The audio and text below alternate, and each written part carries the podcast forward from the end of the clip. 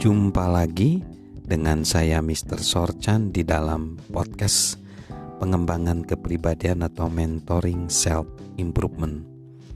Kita masih belajar tentang bagaimana kita membangun sikap positif terutama saat sulit. Yaitu yang ketiga adalah ulet.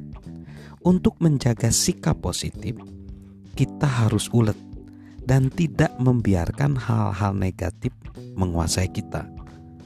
Waktu yang dihabiskan untuk merasa marah dan kecewa dengan masa lalu akan mengurangi waktu untuk bergerak maju dan melakukan apa yang kita inginkan. Coba, janganlah kita menyimpan dendam supaya kita nggak ada beban emosional dalam hidup.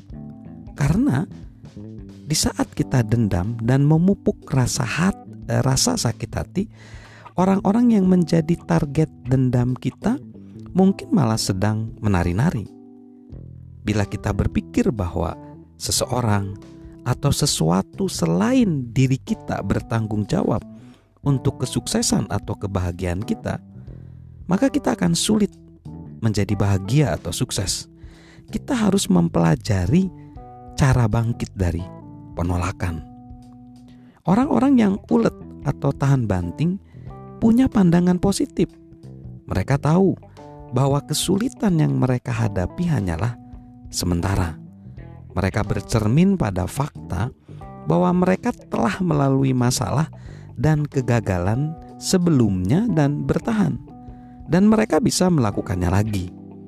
Orang-orang yang tahan banting tidak fokus pada pengalaman negatif.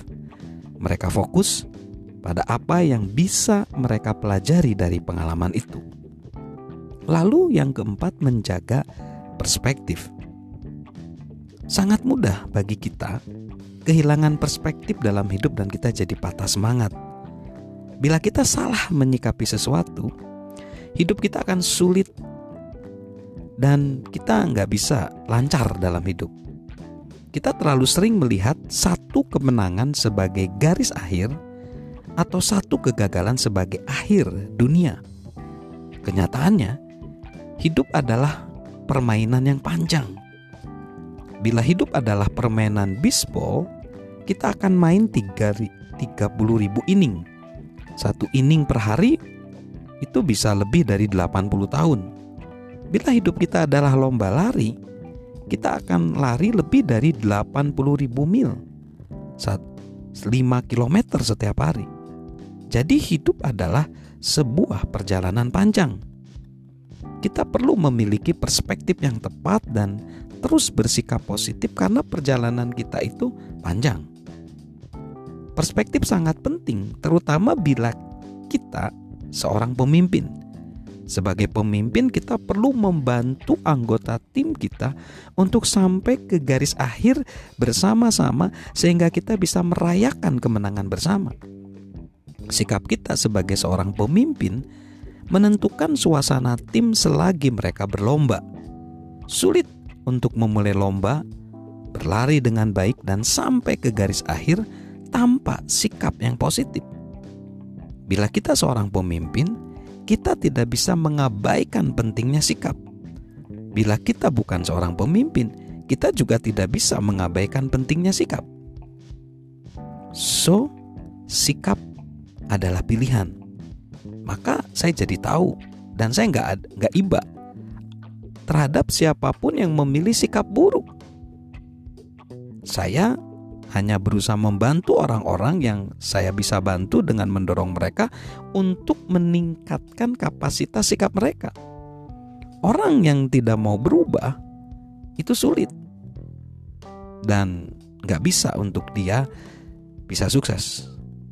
Bila sikap kita membaik karena situasi kita membaik, ini bukan tolok ukur bagi sikap kita. Ini hanya tanda bahwa situasi kita telah berubah. Bagaimana kita tahu sikap kita telah membaik? Kita tahu bahwa kapasitas sikap kita telah meningkat ketika sikap kita tetap positif meski situasi atau keadaan memburuk.